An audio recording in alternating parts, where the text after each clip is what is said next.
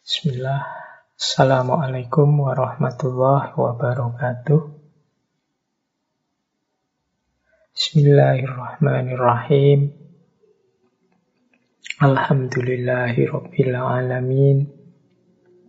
Assalatu wassalamu ala syarafil anbiya'i wal mursalin.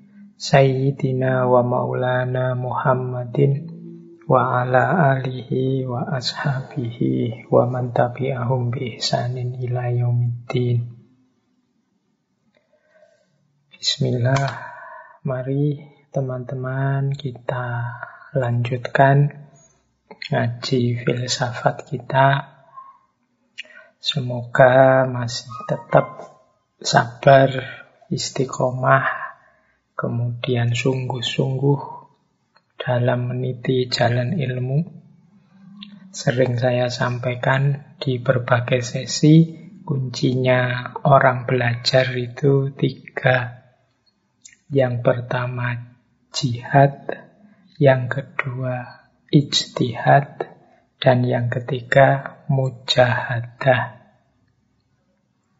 Jihad itu perjuangan fisik, jadi kita memerah tenaga, kita memerah daya, menghabiskan waktu untuk mencari ilmu. Kalau ijtihad, ini perjuangan intelektual. Jadi akalnya diasah, nalarnya dipertajam untuk memahami. Nah, ini ijtihad untuk menemukan hal yang baru, untuk menemukan pemahaman-pemahaman baru. Itu namanya ijtihad. Nanti tidak boleh hanya berhenti di jihad dan ijtihad. Kita harus sadar kita ini siapa. Kita ini makhluk yang banyak sekali kelemahan, bahkan kita tidak bisa mengatur hidup kita sampai hal-hal yang paling detail. Segalanya banyak bergantung pada kuasanya Allah. Maka selain jihad dan ijtihad, kita juga perlu mujahadah. Kalau jihad olah fisik, kalau ijtihad olah nalar, olah akal, intelektual, kalau mujahadah ini olah spiritual. Mudahnya ya kita butuh Allah, butuh berdoa, butuh mendekat padanya. Sehingga hal-hal yang kita upayakan seperti ngaji malam hari ini, juga momen-momen hidup, momen belajar yang lain, mendapatkan perkenan dan ridhonya. Baik, yaitu di antara rumus kita dalam belajar. Termasuk sungguh-sungguh dalam berjihad mencari ilmu ya tetap sabar dan istiqomah. Baik, malam hari ini kita ada di tema pertama sesi bulan ini, bulan ini saya mengangkat tema tentang teknologi. Saya tidak tahu tema teknologi ini menurut teman-teman menarik atau tidak. Kalau penting atau tidak sih mestinya ya penting. Semua tema penting. Semua yang teman-teman usulkan itu saya sering sekali menerima usulan Pak tema ini, tema itu banyak sekali. Insya Allah nanti kalau memang ada kesempatan dan tadi Allah meridhoi, insya Allah tema-tema yang diusulkan itu nanti kita angkat semuanya. Ya mesti ini giliran satu-satu. Kebetulan bulan ini kita angkat tema teknologi. Ada juga beberapa yang ingin tema ini. Ada juga yang ingin tema yang lain, ada yang minta tema lingkungan, ada yang minta tema nama filosof tertentu, tokoh tertentu. Yang paling banyak diminta tema-tema yang berbau spiritual, berbau sufistik. Ya tidak apa-apa, semuanya penting. Tidak ada ilmu yang tidak mulia. Tergantung kebijaksanaan kita dalam mencari, mencerna, dan menjalankannya. Baik, tema teknologi kita malam hari ini saya memperkenalkan seorang tokoh namanya Louis Mumford. Beliau ini seorang sosiolog, ahli sejarah, filosof, analis tentang kota, dan banyak lagi genre kalau dilihat dari tulisan-tulisan beliau. Beliau ini kelahiran 1895 dan nanti meninggal tahun 1990. Mungkin gagasan-gagasan beliau atau mungkin nama beliau masih sedikit asing di telinga teman-teman. Tapi ya malam hari ini kita coba berkenalan dengan beliau. Menurut saya ada beberapa gagasan beliau yang menarik tentang teknologi. Sebenarnya dulu di ngaji-ngaji filsafat yang lama kita sempat juga membahas teknologi. Misalnya saat kita ada di filosof modern yaitu Herbert Marcuse. Marcuse yang punya teori one dimensional man.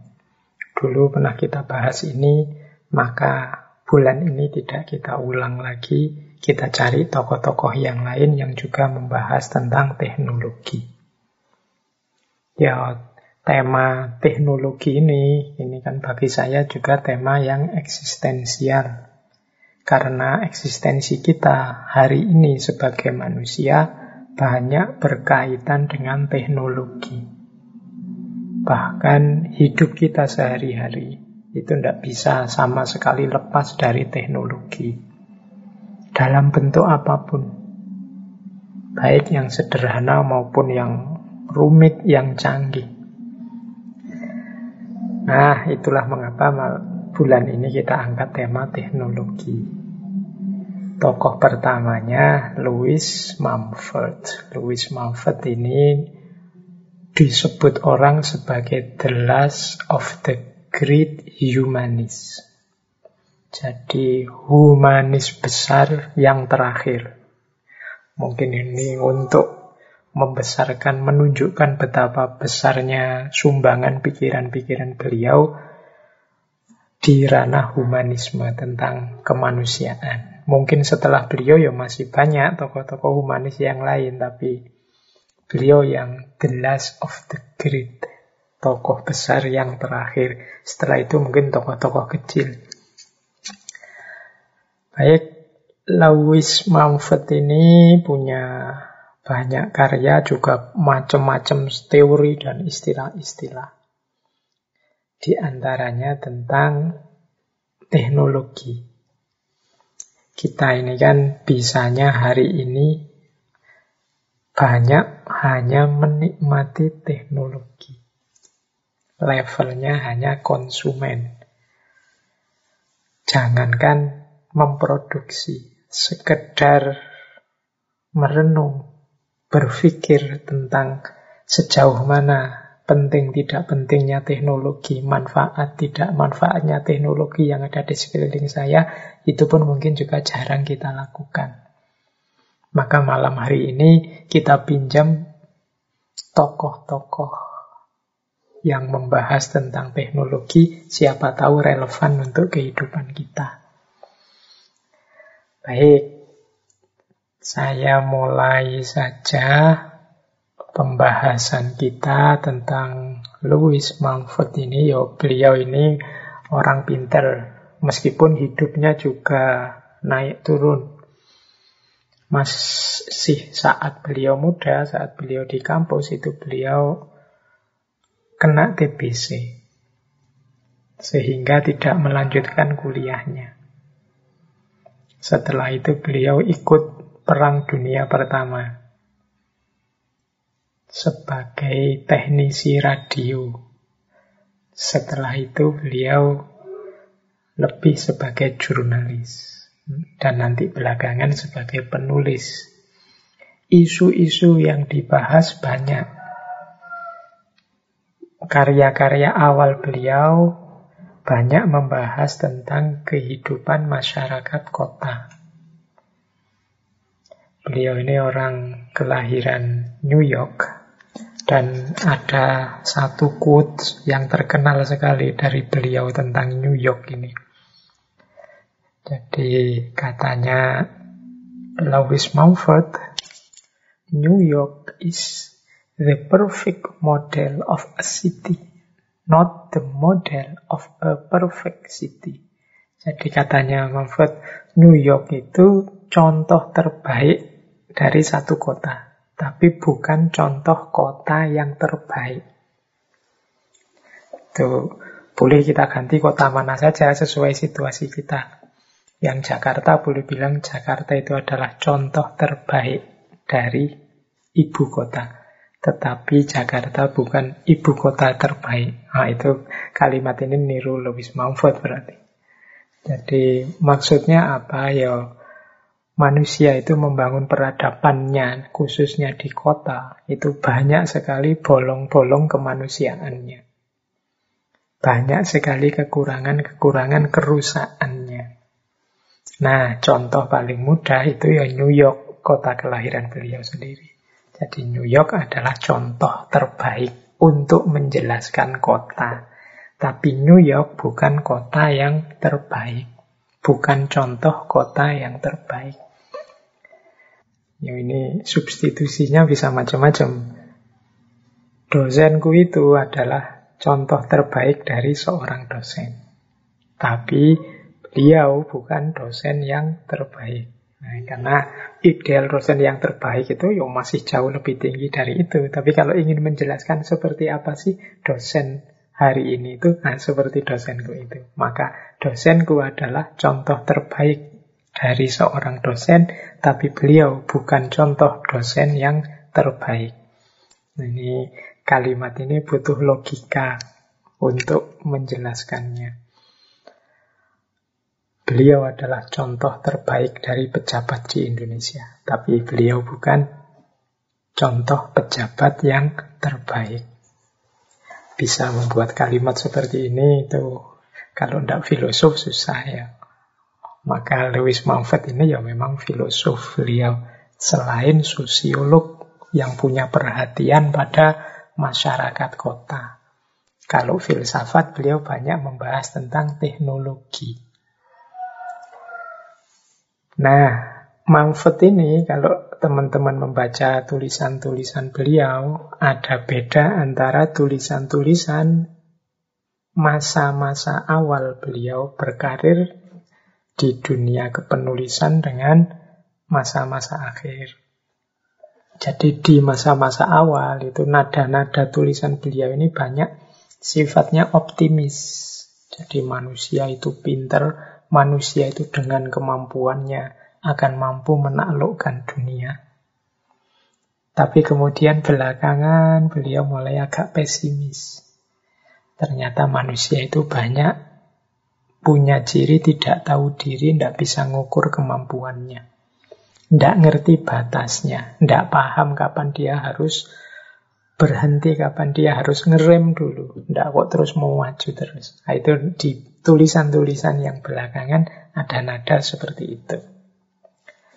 Baik, kalau gitu langsung saja Bismillah kita mulai menjelajahi gagasan-gagasan sang humanis besar yang terakhir ini. Ini yo urutan ide yang saya sampaikan di sini ini saya sendiri yang nyusun. Kalau materinya ya diambil dari berbagai buku yang beliau tulis. Kalau teman-teman tertarik, sebagian besar bukunya sudah ada PDF-nya. Ya masih dalam bahasa Inggris. Syukur-syukur yang malam hari ini ikut ngaji ada yang pinter bahasa Inggris, buku-buku rujukan yang banyak kita bahas, yang belum ada terjemahannya, bolehlah diterjemah. Selain sebagai karya juga untuk biar kita ini rujukannya banyak. Biar yang kemampuan bahasa Inggrisnya tidak tinggi, bisa juga menjelajahi referensi-referensi yang bagus.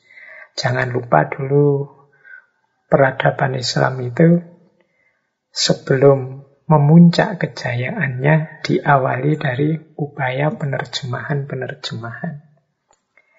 Saya tidak tahu hari ini tidak terlalu agresif. Buku-buku penerjemahan itu zaman saya tahun-tahun 90-an sampai 2000-an itu masih saya lihat banyak buku-buku baru terjemahan.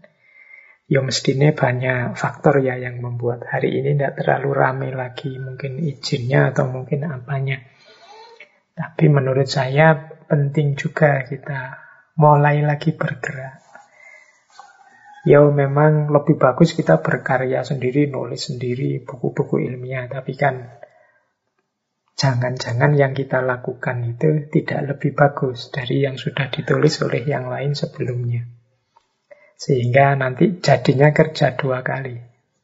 Jadi yang enak itu kan, oh orang neliti menemukan ini, saya lanjutkan, saya kembangkan, dan seterusnya. Nah, karena kendalanya kendala bahasa, ya yang pinter-pinter bahasa Inggris bisa turun gunung untuk menulis, menerjemahkan.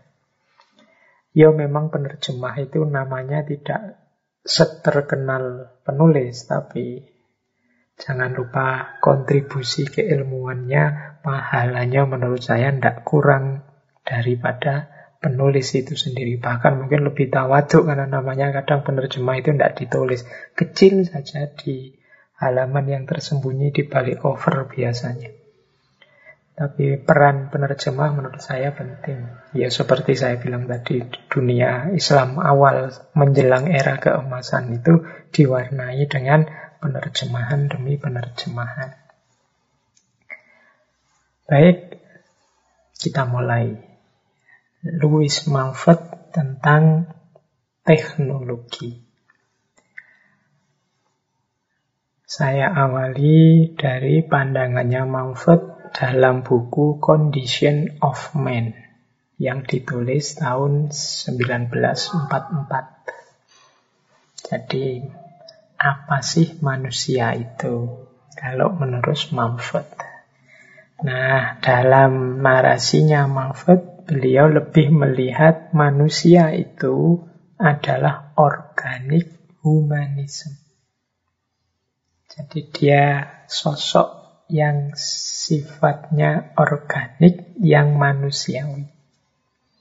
Jadi lihat aspek organismenya dan lihat aspek kemanusiaannya. Jadi manusia itu punya batas-batas sebagai makhluk fisik. Manusia punya kemampuan, tapi juga punya keterbatasan. Manusia maka harus sangat memahami sifat dirinya. Biar tidak overestimate atau underestimate. Oke. Ya memang di banyak penjelasan, di banyak keterangan, disebut-sebut manusia itu paling istimewa, manusia itu paling hebat, manusia itu masterpiece ya, tapi juga harus kita ingat manusia itu bukan super power, bukan superhero yang tidak punya kelemahan. Dia juga ada kekurangan-kekurangannya. Maka sebelum kita turun, sebelum kita terjun dalam kancah hidup di muka bumi ini, idealnya kita harusnya sudah kenal siapa diri kita, apa kelebihan kita, di mana kekurangan kita. Sehingga nanti tindakan kita, kerja kita, karya kita itu terukur manfaat dan maslahatnya. Jadi ini menurut saya pintu masuk yang penting. Jadi sebelum membahas unsur-unsur dalam hidup manusia, kita pahami dulu manusia itu apa. Nah, kemudian dalam buku Condition of Man itu dijelaskan pula oleh Mumford bahwa manusia itu banyak bergantung pada lingkungan sekelilingnya. Termasuk.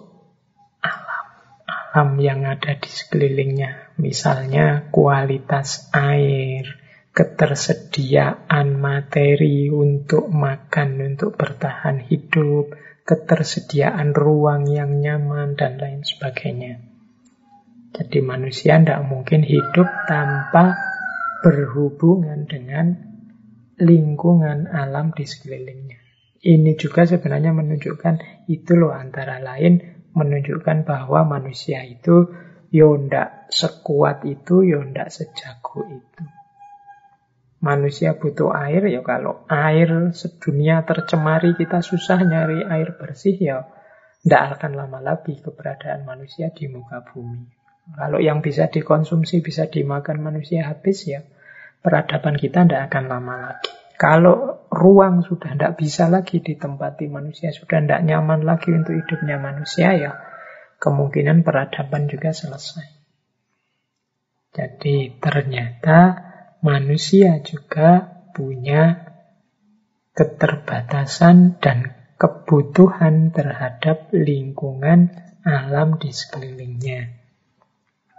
Oh, ciri kedua manusia. Jadi yang pertama manusia sebagai organik humanism, yang kedua manusia sebagai makhluk yang banyak bergantung pada hal lain di luar dirinya. Nah, yang ketiga ini Mahfud membahas tentang akal, akalnya manusia. Ada satu ciri yang khas manusia, yaitu akalnya. Itu kalau nanti dilanjutkan dalam penjelasannya Mahfud dengan akalnya itu manusia bisa mencari ide, menemukan gagasan, juga menggunakan bahasa dan simbol untuk bertukar ide, bertukar gagasan. Tidak ada yang seperti ini makhluk selain manusia. Bertukar gagasan itu kan yang bisa hanya manusia. Ya kalau makhluk yang lain apalah misalnya kita kadang-kadang nganggap lupa itu loh ada monyet itu loh Pak bisa dilatih, bisa diberitahu seolah-olah cerdas, dia bisa ngitung. Ya anggap saja dia punya kapasitas tertentu untuk memahami, tapi pasti dia tidak bisa bertukar ide. Bertukar informasi, mungkin habis diberitahu pelatihnya, terus dia memberitahu temannya. Itu di dunia hewan tidak ada yang ada di dunianya manusia.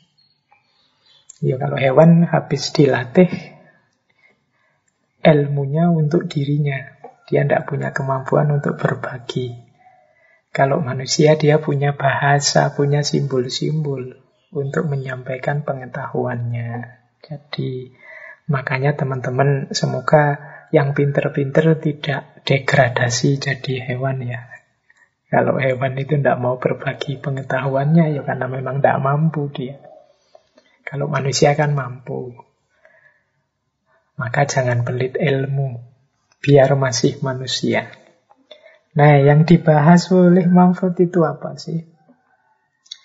Akalnya manusia itu.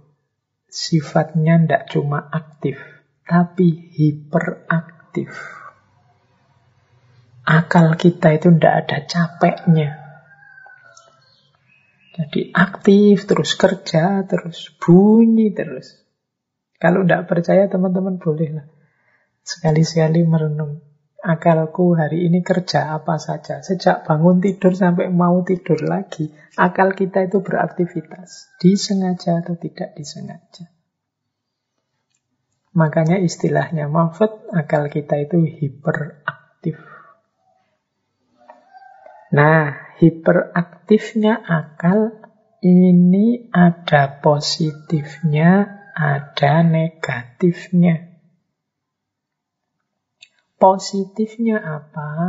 Akal yang hiperaktif itu manusia mampu menaklukkan alam di sekelilingnya. Kalau bahasanya Al-Quran bisa taskhir, jadi memanfaatkan yang di sekelilingnya untuk kepentingannya. Menaklukkan banyak ancaman alam. Ancaman dalam tanda petik ya. Alam tidak mungkin mengancam. Manusianya saja yang merasa terancam. Tapi manusia yang mampu mendaya gunakan akal budinya sehingga memahami mekanisme alam, dia bisa menaklukkan alam. Ini kekuatan akalnya manusia yang hiperaktif. Jadi teman-teman tidak usah galau ya kalau merasa Pak, saya itu jangan-jangan pikiranku ini hiperaktif, Pak. Mikir saja. Apa saja dipikir. Ya, tidak apa-apa. Pikirkan saja apa saja yang memang muncul. Karena akal itu semakin dipakai dia semakin tajam. Hanya saja hati-hati. Ada negatifnya. Negatifnya apa? Kalau kita menggunakan akal tanpa ukuran, tidak punya visi, tidak punya kerangka-kerangka makna, tidak punya kerangka makna itu pokoknya mikir ngawur apa saja ditabrak tidak peduli. Yang penting original yang penting kreatif yang penting itu tidak punya kerangka makna namanya. Bisa jadi hasilnya self destruction self destruction itu merusak diri sendiri justru menghancurkan diri sendiri itu yang tadi saya bilang harus punya rem kita berpikir sedalam mungkin, seluas mungkin, sepanjang mungkin, oke. Tapi jangan hanya dapat capeknya berpikir saja. Jangan hanya dapat bingungnya orang berpikir saja. Kita harus punya kerangka-kerangka berpikir. Kita harus punya arah tujuan, target dalam kita berpikir. Nah, itu yang diingatkan oleh manfaat. Negatifnya akal yang hiperaktif itu self-destruction. Oke, jadi ini gerbangnya ini. Kita kenali dulu manusia dengan kemampuan bahasa simboliknya, dengan kemampuan berpikir yang sangat aktif, dengan kelebihan-kelebihan dan kekurangannya sebagai organic humanism. Ini bisa dicek di buku Condition of Man. Nah, kalau sudah manusia, sekarang kita bahas salah satu aspek dalam hidup manusia yang merupakan buahnya kerja akal. Namanya apa? Teknologi. Teknologi itu berasal dari kata teknik. Teknik dalam bahasa Yunani tekne. Tekne itu artinya seni, keterampilan, ketangkasan. Jadi secara bahasa sebenarnya teknologi atau teknik itu ya hubungannya dengan keterampilan, ketangkasan, dan seni. Jadi mungkin hari ini kita mendefinisikan teknologi itu ya produk-produk mutakhir yang kita pakai untuk memudahkan hidup. Tapi memang awalnya istilah teknik itu untuk merujuk keterampilan, ketangkasan. Ya berarti sebenarnya ya nyambung saja keterampilan, ketangkasan yang membuahkan sesuatu yang memudahkan hidup kita. Itu teknologi. Nah, Menurut manfaat teknologi ini hasil dialektika antara dua hal, yaitu kondisi sosial masyarakat dan proses industri di tengah masyarakat atau proses inovasi di tengah masyarakat.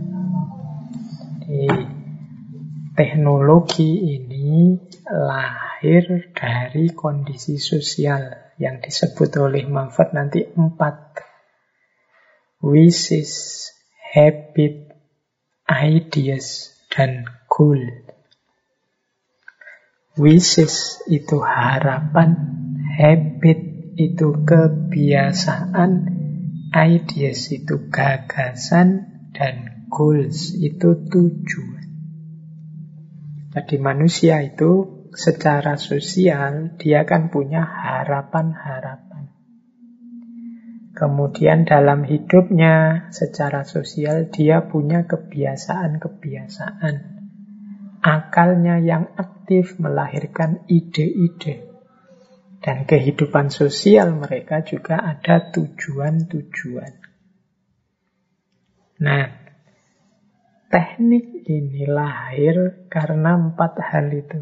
Yang diinginkan yang sudah biasa dilakukan, kemudian ide-ide baru yang muncul, serta tujuan yang diinginkan. Yo, mudahnya misalnya laptop.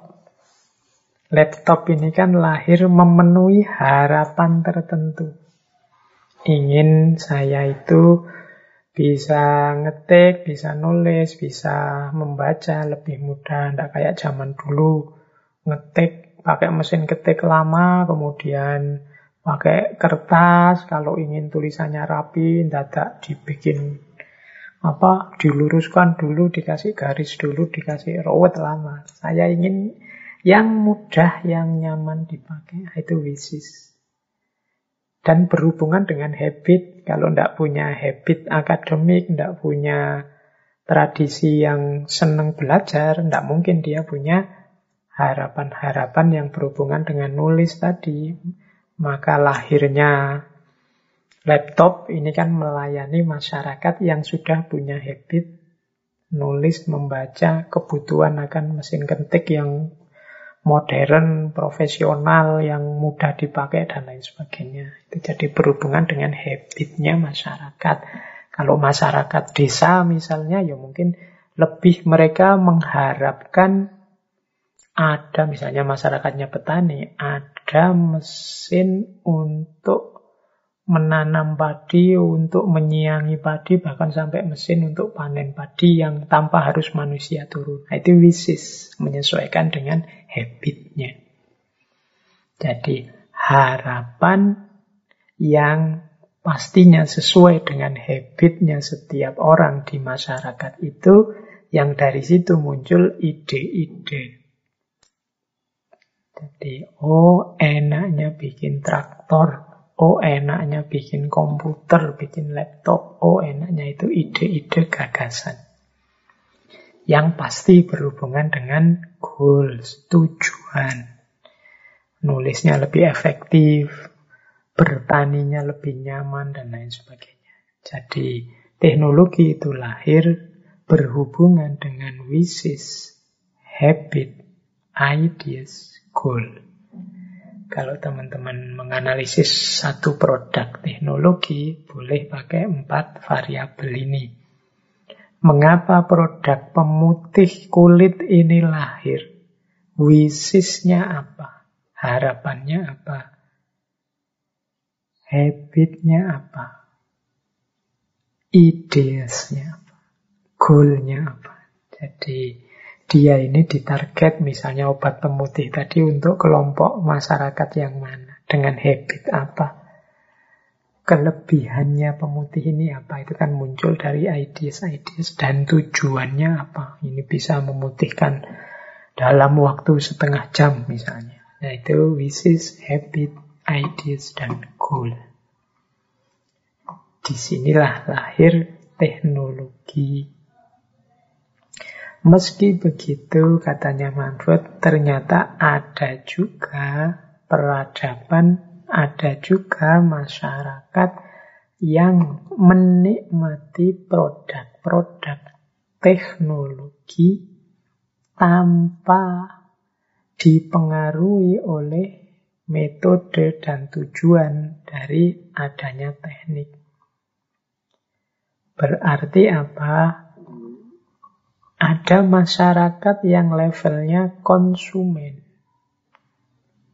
Berarti konsumen itu ideasnya tidak muncul. Jadi ketika ideasnya tidak muncul, ya dia tinggal pakai.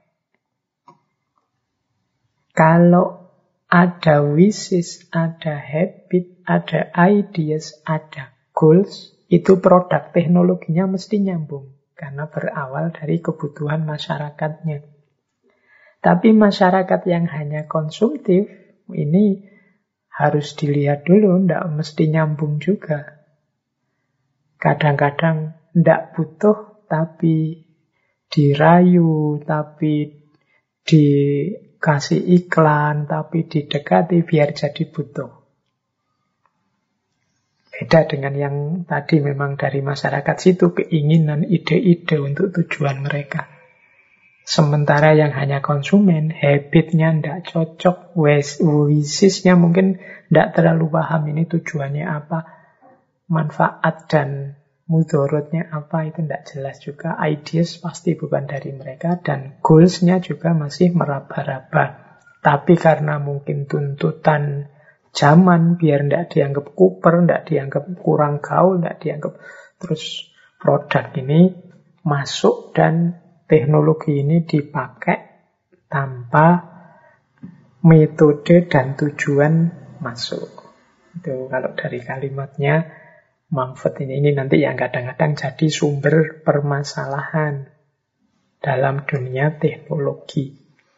Ya mirip kayak di daerah tertentu misalnya masyarakatnya masih sangat pedalaman. Saya lupa itu ada yang pernah cerita begitu listrik saja belum masuk. Tapi begitu mereka panen, uangnya banyak, belanjalah mereka barang-barang mewah. Beli kulkas lah, beli TV lah, beli. Tapi yo karena listriknya belum masuk, semua produk teknologi itu tidak kepake akhirnya. Kulkasnya dipakai naruh pakaian. Nah itu karena mereka hanya konsumen, habit dan wisisnya tidak dari mereka. Kebiasaan hidupnya berbeda. Karena situasinya masih belum memungkinkan. Nah itu ada katanya Mahfud peradaban kebudayaan yang sifatnya seperti itu. Nah ini sebenarnya yo kita tidak harus nengok ke mana-mana. Coba teman-teman ditengok dirinya sendiri ke dalam. Ada ndak kira-kira produk-produk teknologi yang ini tidak cocok dengan habit kita. Habis beli kita bingung buat apa. Pas lihat iklan kelihatannya menarik. Begitu dibeli, menariknya hilang. Mungkin barangnya terus kita sisihkan saja entah di gudang, entah di pojok yang mana sudah jarang disentuh. Karena habit kita ternyata tidak bersentuhan dengan itu. Kemarin kita hanya mungkin kena promosi saja. Nah ini di antara nanti problem teknologi yang dikritik oleh Mumford. Jadi ada other civilization reach a high degree of technical proficiency without apparently being profoundly influenced by the method and aims of technique. Baik, kita lanjutkan itu ya tentang teknologi. Nah, sekarang jenisnya. Manfaat membedakan dua teknologi itu. Ada tools, ada mesin. Nanti kalau dalam ureanya Manfaat itu kelihatan dia lebih suka yang tools daripada yang mesin. Kalau tools itu alat, dia membantu kebutuhan manusia dan dia hakikatnya adalah perluasan dari organisme manusia itu sendiri. Mudahnya tools itu, ya teman-teman sebut saja misalnya palu, gergaji, itu contoh mudah ya. Itu kan tools, alat-alat. Itu kan perluasan dari organisme manusia. Kalau harus menancapkan paku di tembok apa di kayu, tidak ada alat, kita tidak bisa. Maka lahirlah kita bikin hammer, kita bikin palu untuk maku. Nah itu dia alat. Jadi dia perluasan dari organisme manusia. Sifatnya alat itu dia tidak berdiri sendiri. Kalau tidak ada manusianya, ya dia tidak ada gunanya maka dia tidak berdiri sendiri. Kemudian biasanya tools itu selalu selaras dengan lingkungannya. Ya karena memang dia diciptakan hanya untuk menutupi kekurangan manusia. Jadi dia cocok, pasti dibutuhkan. Dan yang ketiga, tools itu membuat manusia mengenali batas kemampuannya. Oh iya ya, ternyata saya itu lemah, tidak kuat kalau harus nancepin paku sendiri. Ternyata saya tidak bisa ngambil air kok tidak tumpah, maka butuh timba.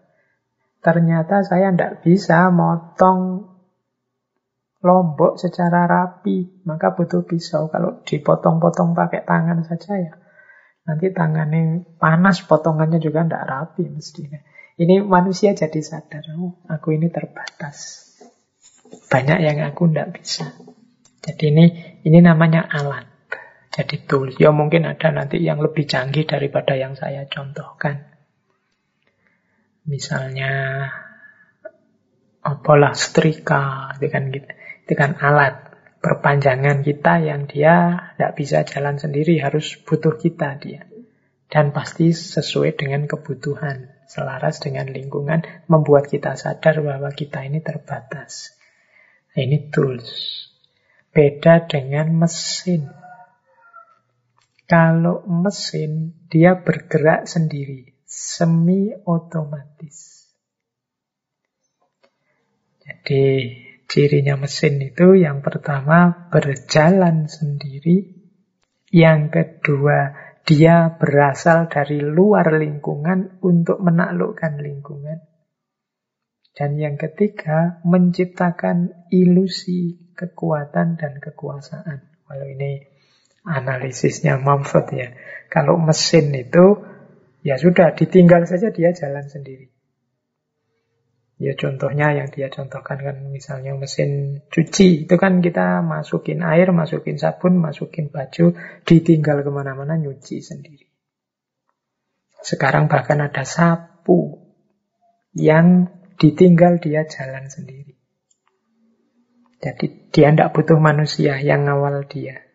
Yang sekarang ada itu kan sapu yang sapunya dipegang dia jalan sendiri. Bahkan alat untuk nyiram di taman itu sekarang sudah ada. Semuanya berjalan sendiri, tidak butuh manusia. Itu namanya mesin. Jadi unsur eksternal yang kita masukkan ke dalam lingkungan kita yang nantinya dia menaklukkan kita. Jadi Semula kalau dia alat itu dia harus patuh pada kita. Tapi ketika dia sudah mesin, kita yang menyesuaikan dengan mesinnya. Oke, ya kalau misalnya mesin cuci misalnya itu kan akhirnya kan kita yang mengikuti ritmenya mesin cuci kapan buang air, kapan nah itu kok ritmenya mesin cuci kita ikuti. Tapi kalau kita nyucinya manual, kita nyuci sendiri itu kan ritmenya dari kita. Suka-suka kita saja. Sama kayak sapu tadi kan kita akhirnya ya harus belajar ritmenya sapu yang mesin tadi. Kita tidak berani ninggal lama-lama, kita tidak berani misalnya menggunakan listrik secara sembarangan dan lain sebagainya. Kita banyak diatur akhirnya, itu mesin. Jadi itulah bedanya tools sama mesin. Kalau mesin, dia di antara efeknya adalah menciptakan ilusi kekuatan dan kekuasaan. Ilusi kekuatan dan kekuasaan itu ya orang merasa bahwa ini loh ciptaannya manusia. Berarti manusia itu dahsyat, manusia itu luar biasa. Nantinya dia tidak sadar, seperti saya bilang tadi, akhirnya kita yang disetir oleh mesin. Kita yang menyesuaikan ritme hidup kita dengan mesin. Ini nanti di antara kritiknya Manfaat pada teknologi. Tapi sementara kita pahami dulu, semoga teman-teman sudah paham bedanya tools sama mesin. Kalau tools itu melengkapi apa yang kurang dari manusia. Tapi kalau mesin dia berjalan sendiri. Kalau tools membuat manusia sadar batasnya, kalau mesin tercipta di situ ilusi tentang kekuatan dan kekuasaan manusia. Kalau begitu kita apa tidak pakai mesin saja? Anda ah, begitu. Nanti kita lihat bagaimana tawarannya Mumford untuk Yo, hidup dengan teknologi tapi tidak terjebak, tidak tertipu. Nah, sejak masuknya mesin, ini katanya Manfred ya, sejak masuknya mesin, hidupnya manusia itu paradigmanya berubah. Apa perubahan hidup manusia sejak masuknya mesin? Ada yang disebut oleh Malford pertama, manusia itu. Sejak mesin masuk, hubungannya dengan alam berubah. Berubahnya di mana? Dulu, sebelum manusia jaya dengan teknologi yang luar biasa kita rasakan hari ini, manusia itu di hadapan alam ada confirm and fear. Confirm and fear itu dia cocok menyesuaikan diri dengan alam dan takut. Takut merusak, takut menjarah, takut pokoknya melakukan yang merusak alam yang nanti efeknya pada dirinya sendiri. Tapi begitu teknologi berkembang secara luar biasa dalam peradaban manusia, yang tadi confirm and feel menjadi common and control. Memerintah dan mengontrol. Sekarang jadi kita yang menguasai alam dan merasa ya karena menguasai bisa melakukan apa saja pada alam. Tidak ada takut-takutnya lagi kita sama alam.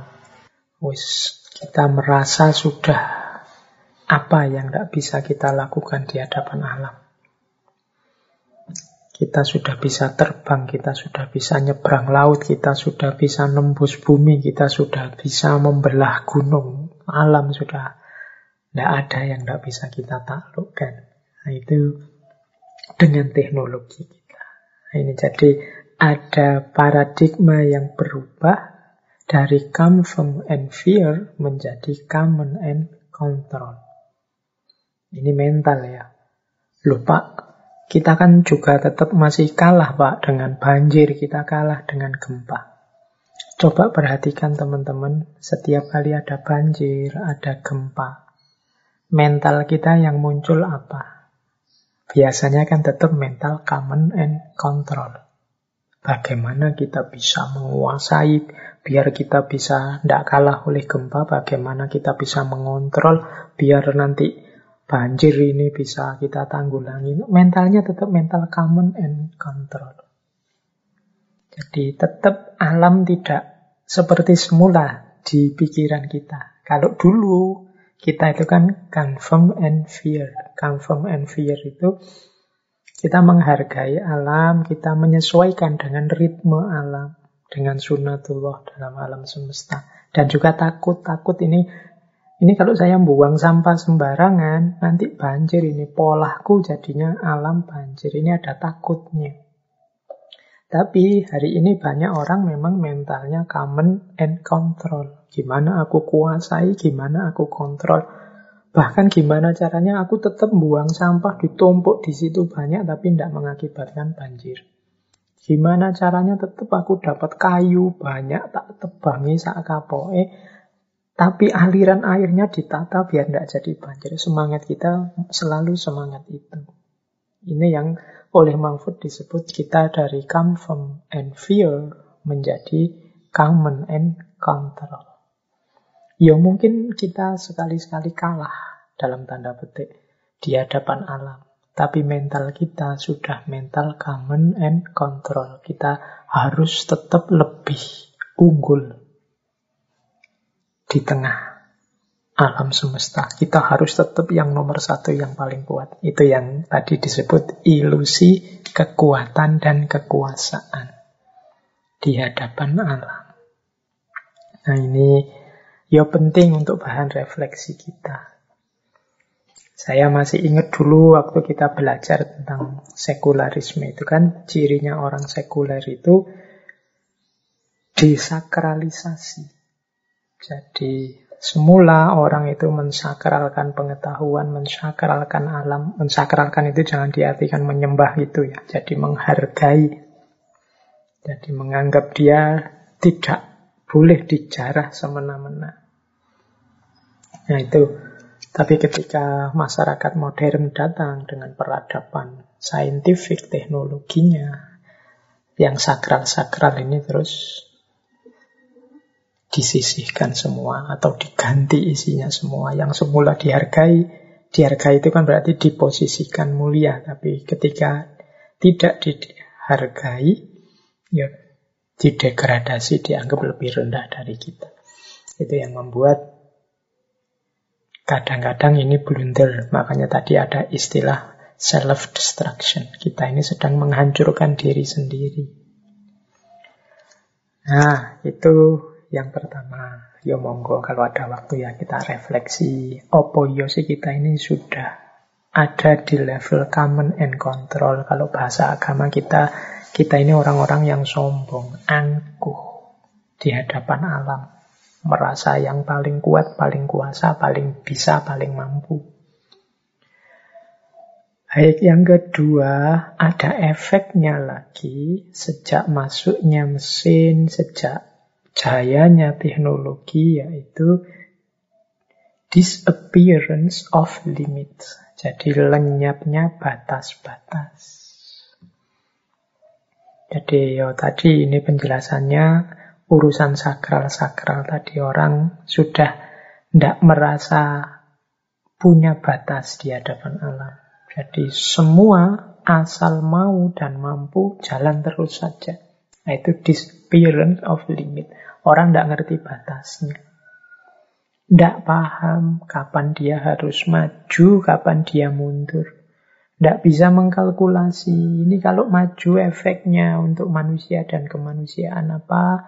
Kalau aku tidak berhenti-berhenti, ini lebih banyak untungnya apa lebih banyak ruginya. Kita tidak punya lagi perspektif dan wawasan yang tegas tentang batas. Itu yang disebut disappearance of limit.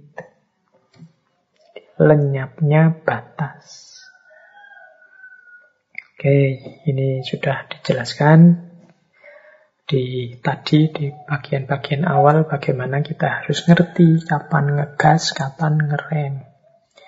Dan yang ketiga, perubahan manusia karena teknologi adalah loss of proportionality.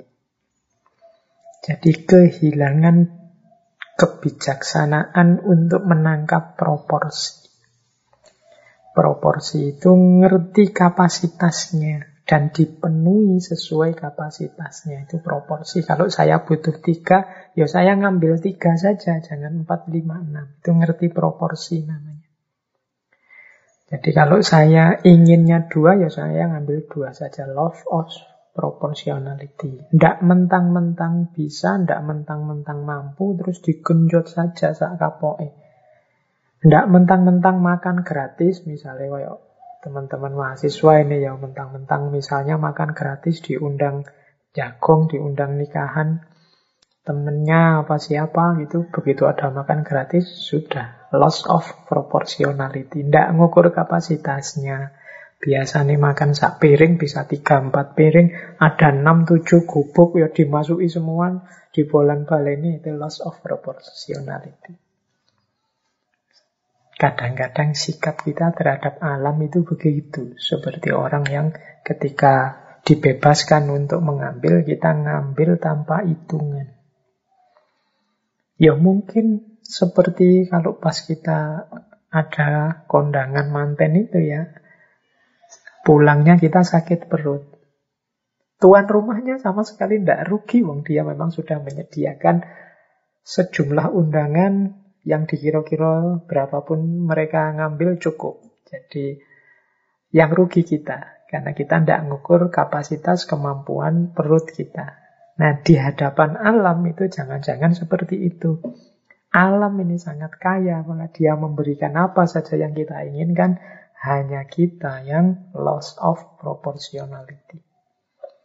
Tidak ngukur. Mentang-mentang bisa bikin mobil, bikin mobil sebanyak-banyaknya, dan mentang-mentang punya uang, beli mobil sebanyak-banyaknya, akhirnya efeknya tidak karu-karuan. Jadi mulai polusi lah, kita kehabisan ruang lah macam-macam. Itu loss of proportionality. Kita kehilangan proporsi. Mentang-mentang bikin bisa bikin obat ini, obat itu. Terus kita sembrono dalam hidup. Terus, ah, yang penting ada obatnya. Loss of proportionality. Jadi, apalagi urusan penyakit ya. Hari ini kan banyak penyakit macam-macam itu. Ternyata sumber utamanya loss of proportionality. Mentang-mentang senang daging, punya uang untuk beli daging, akhirnya makannya daging terus. Tensinya naik, kolesterolnya naik, asam uratnya naik. Sehingga setelah itu sama sekali tidak bisa dan tidak boleh makan daging. Kenapa? Kemarin lupa ngerem. Loss of proportionality. Nah, peradaban kita itu dalam banyak hal juga lupa ngerem. Jadi tidak ngerti kapan berhenti. Inilah yang bahasanya Marfet, transformasi manusia sejak masuknya mesin. Ini mental kita berubah. Nah, sekarang cara berpikir kita juga berubah. Jadi kalau ini bisa teman-teman nanti belajar tentang filsafat ilmu, tentang nalar, tentang epistemologi. Orang modern dengan sains dan teknologinya itu juga epistemnya, cara berpikirnya berubah. Kalau di Manfred saya catat ada istilah misalnya faktualisme, kemudian practicality, kemudian logic of materials and forces. Kemudian more objective personality. Oke, yang pertama faktualisme. Faktualisme itu ya karena sains, teknologi, dengan mesinnya itu kan sesuatu yang terukur. Sesuatu yang nyata bisa dilihat, bahkan bisa dinikmati secara fisik. Ini membawa pada nilai nalar, nilai berpikir yang baru yaitu faktualisme. Ini juga tidak salah sebenarnya, cuma kalau terjebak di situ terus, ya nanti hanya percaya pada yang faktual-faktual saja. Yang tidak faktual, tidak diterima. Faktual itu berarti ada faktanya saja.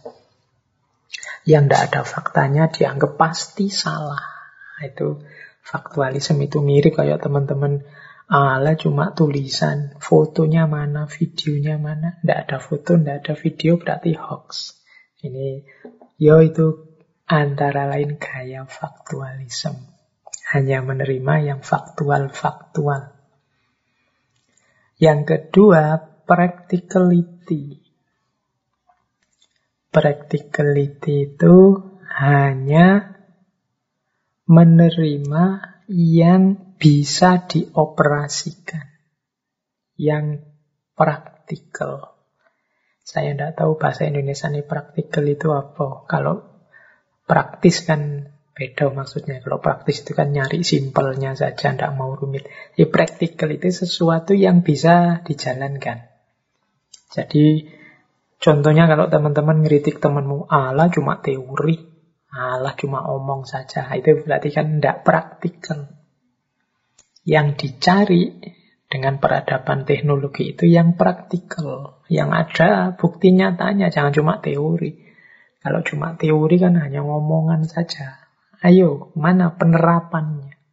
Nah, itu namanya practicality.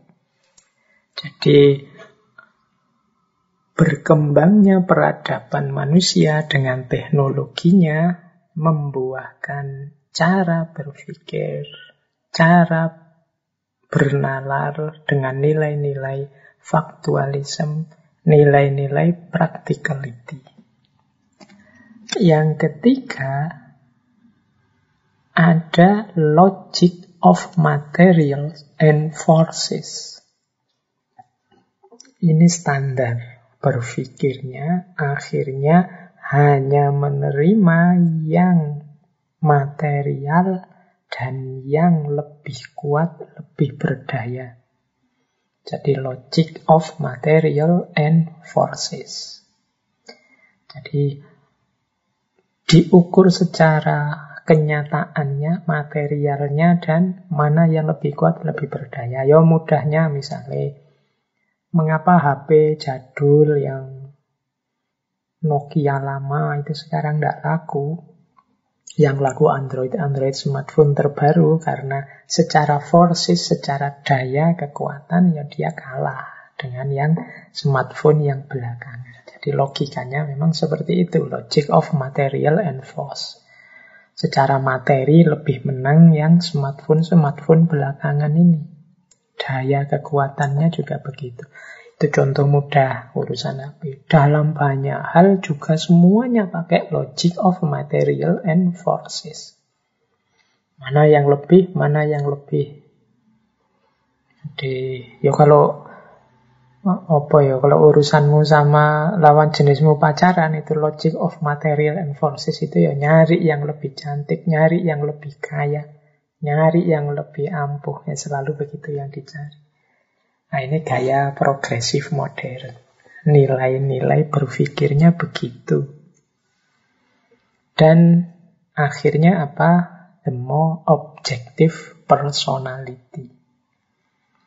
Jadi terbentuklah sosok manusia yang lebih objektif.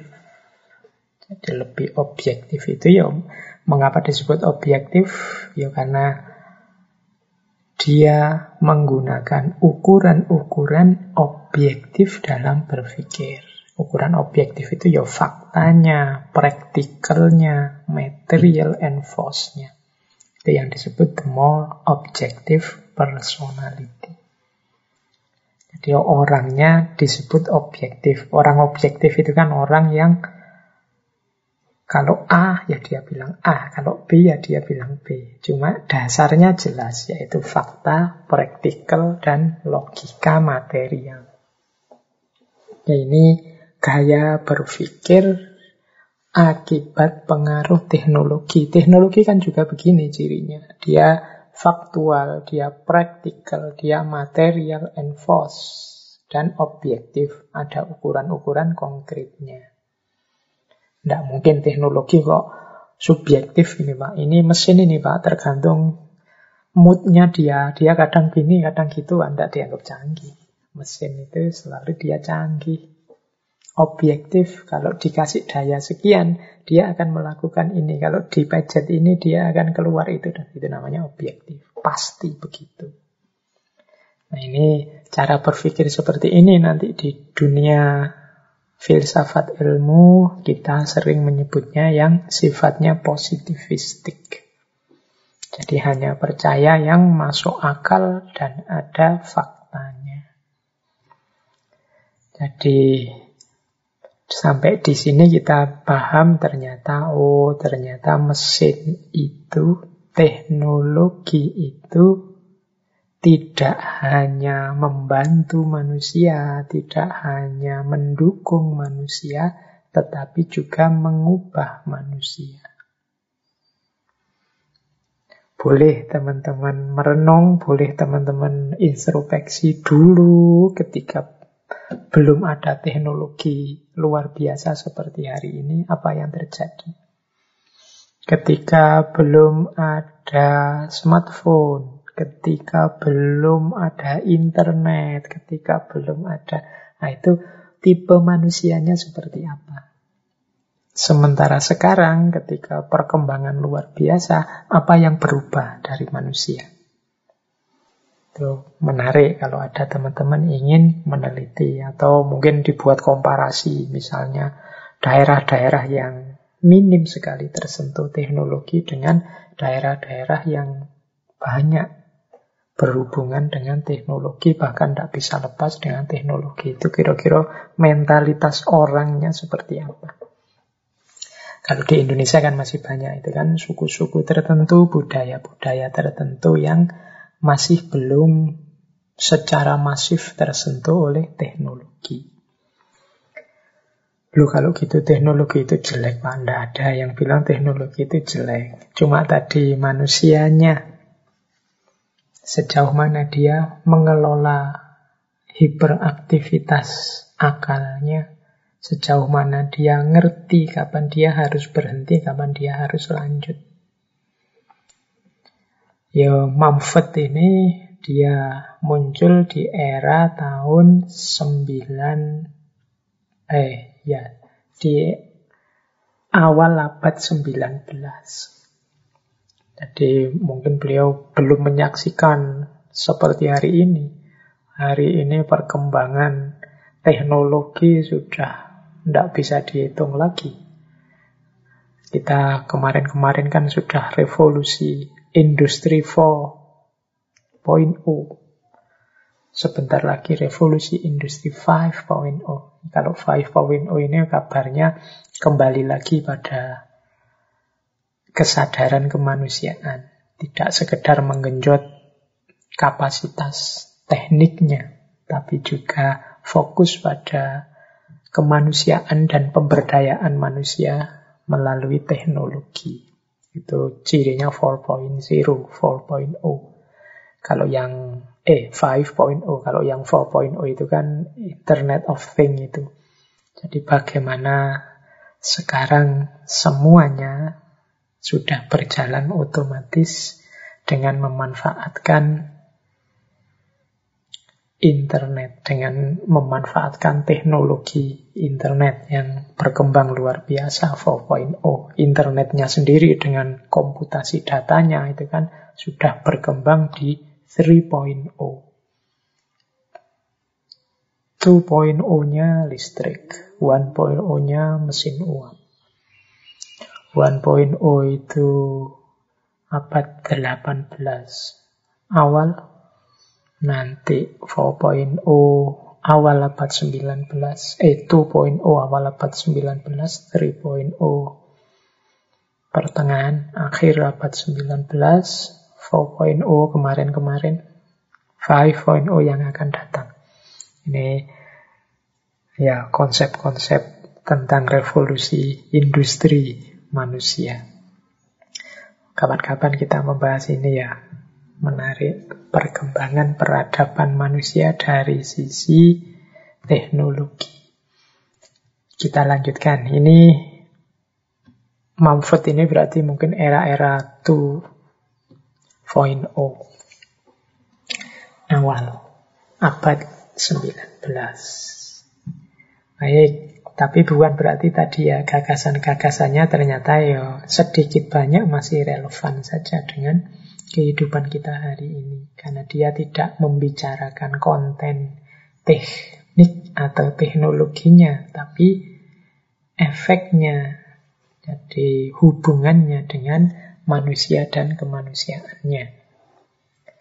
Nah, kita lanjut.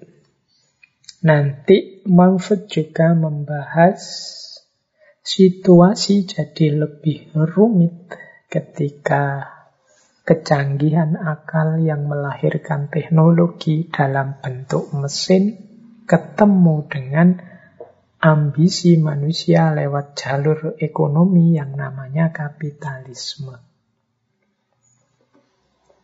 Jadi dunia teknologi itu kan variabelnya tiga.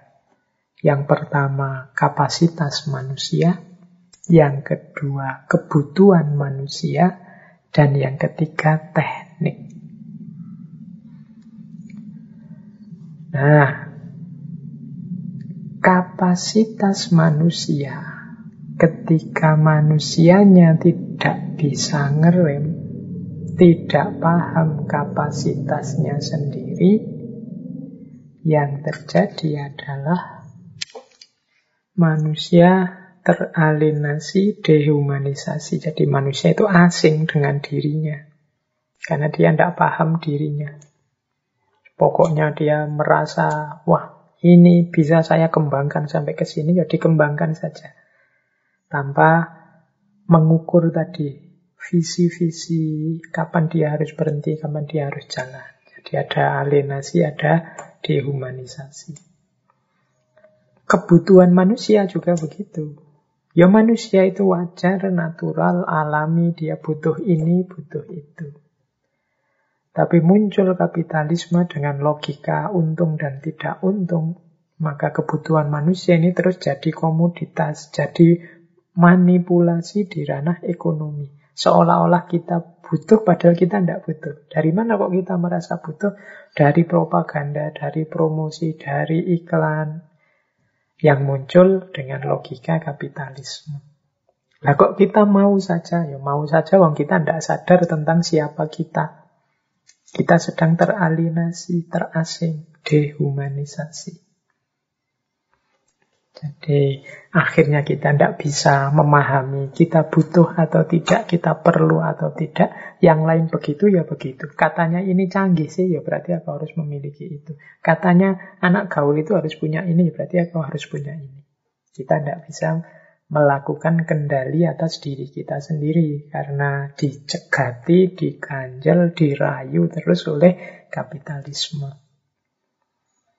Jadi dan berhubungan akhirnya dengan produknya yaitu mesin. Mesin ini semakin memudahkan para pemilik modal memproduksi juga dia sendiri nanti sebagai yang diproduksi. Jadi ini nanti yang membuat kadang-kadang dunia teknologi itu berkembang pesatnya luar biasa tapi tidak ada kendalinya. Apa gunanya ini, apa gunanya itu tidak penting. Ketika kapitalis masuk, yang penting untung. Yuk bikin konten ini, yang penting untung. Yuk bikin apa program ini, yuk bikin aplikasi itu, yang penting untung. Gunanya untuk kita apa? Kita tidak bisa membaca karena kita teralienasi dari diri kita sendiri. Di situlah nanti ada pertemuan antara manusia, mesin, dan kapitalisme. Lagi-lagi ya tetap yang jatuh manusia dengan kemanusiaannya. Sains dan teknologi semakin berkembang, ketemu dengan kapitalisme, maka yang menonjol adalah mana untung dan rugi secara ekonomi, bukan untung dan rugi secara kemanusiaan. Mana yang lebih banyak menghasilkan uang, mana yang lebih banyak memberikan keuntungan di bidang ekonomi. Bukan mana yang lebih manfaat, mana yang lebih dibutuhkan oleh manusia demi kemanusiaannya. Sampai di titik ini situasinya tambah ruwet. Jadi kita akhirnya benar-benar lenyap kesadaran kemanusiaan kita. Kita tidak ngerti ini cocok apa enggak untuk diriku. Jadi saya ada teman itu yang setiap kali ada versi terbaru dari smartphone tertentu, padahal tahun lalu dia sudah beli itu. Yang baru dia beli dijual, dia beli lagi yang versi terbaru. Nanti muncul lagi dia. Tiap tahun dia ganti HP. Mengejar perkembangan teknologi smartphone terbaru. Itu ditelan dalam bahasanya teorinya manfaat ini berarti ditelan oleh kapitalisme. Kebutuhan para pemilik modal untuk mengeruk keuntungan sebesar-besarnya mumpung manusianya belum mampu memahami situasi real dirinya. Karena dia sedang teralienasi, dia sedang mengalami dehumanisasi. Baik, saya lanjutkan. Oke. Nah, ini kita mulai beberapa isu, istilah-istilah dalam ranah teknologi yang diangkat oleh Louis Mumford. Dalam bukunya Mumford yang judulnya The Myth of Machine ada istilah megateknik. Megateknik itu teknologi modern yang luar biasa yang cirinya adalah constant, unrestricted expansion, production, and replacement. Nah, ini namanya megateknik. Jadi kalau ada produk teknologi yang cirinya konstan, dia muncul terus. Tahun ini ada versi sekian-sekian, tahun depan ada versi sekian-sekian. Ya tidak cuma HP, mungkin TV. Ini ini TV ini, tahun depan TV ini dengan spek lebih tinggi sedikit ininya, tahun depan lebih tinggi lagi sedikit ininya. Itu konstan dan unrestricted expansion. Tambah luas lagi, tambah luas lagi. Itu unrestricted expansion. Dan production and replacement. Selalu diproduksi and replacement. Produksi yang baru menggantikan produk yang lama. Begitu yang baru muncul, yang lama sudah kehilangan value. Itu dalam bahasanya Manfred, dia enggan memproduksi yang lasting quality product. Yang sekalian berkualitas, bermutu sampai ke depannya, yang tahan lama, yang tidak harus ganti-ganti. Nah, justru di antara strategi untuk dia bisa konstan itu ya tadi, unrestricted expansion, production, and replacement.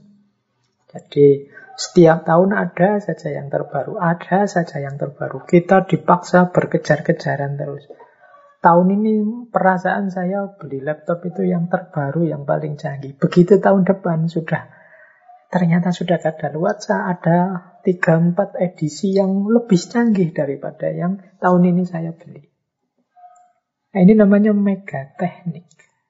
Jadi constant, unrestricted, unrestricted expansion, production, and replacement.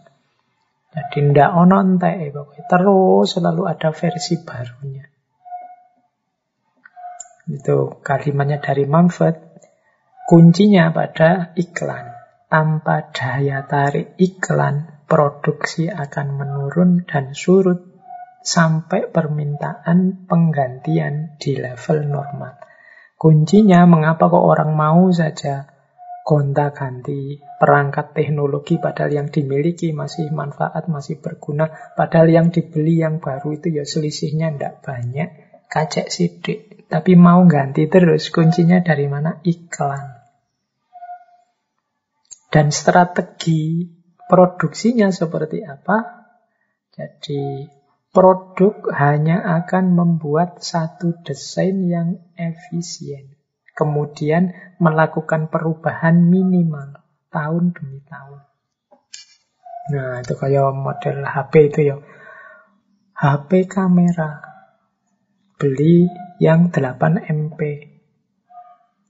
Tahun depan kita harus ganti lagi karena 8 MP sudah kadaluarsa. Ada yang 12 MP loh. Tahun depannya lagi. Eh sekarang ada yang 16 MP. Terus jadi hanya di titik tingkat level kamera itu saja kita tiap tahun akhirnya kontak ganti HP.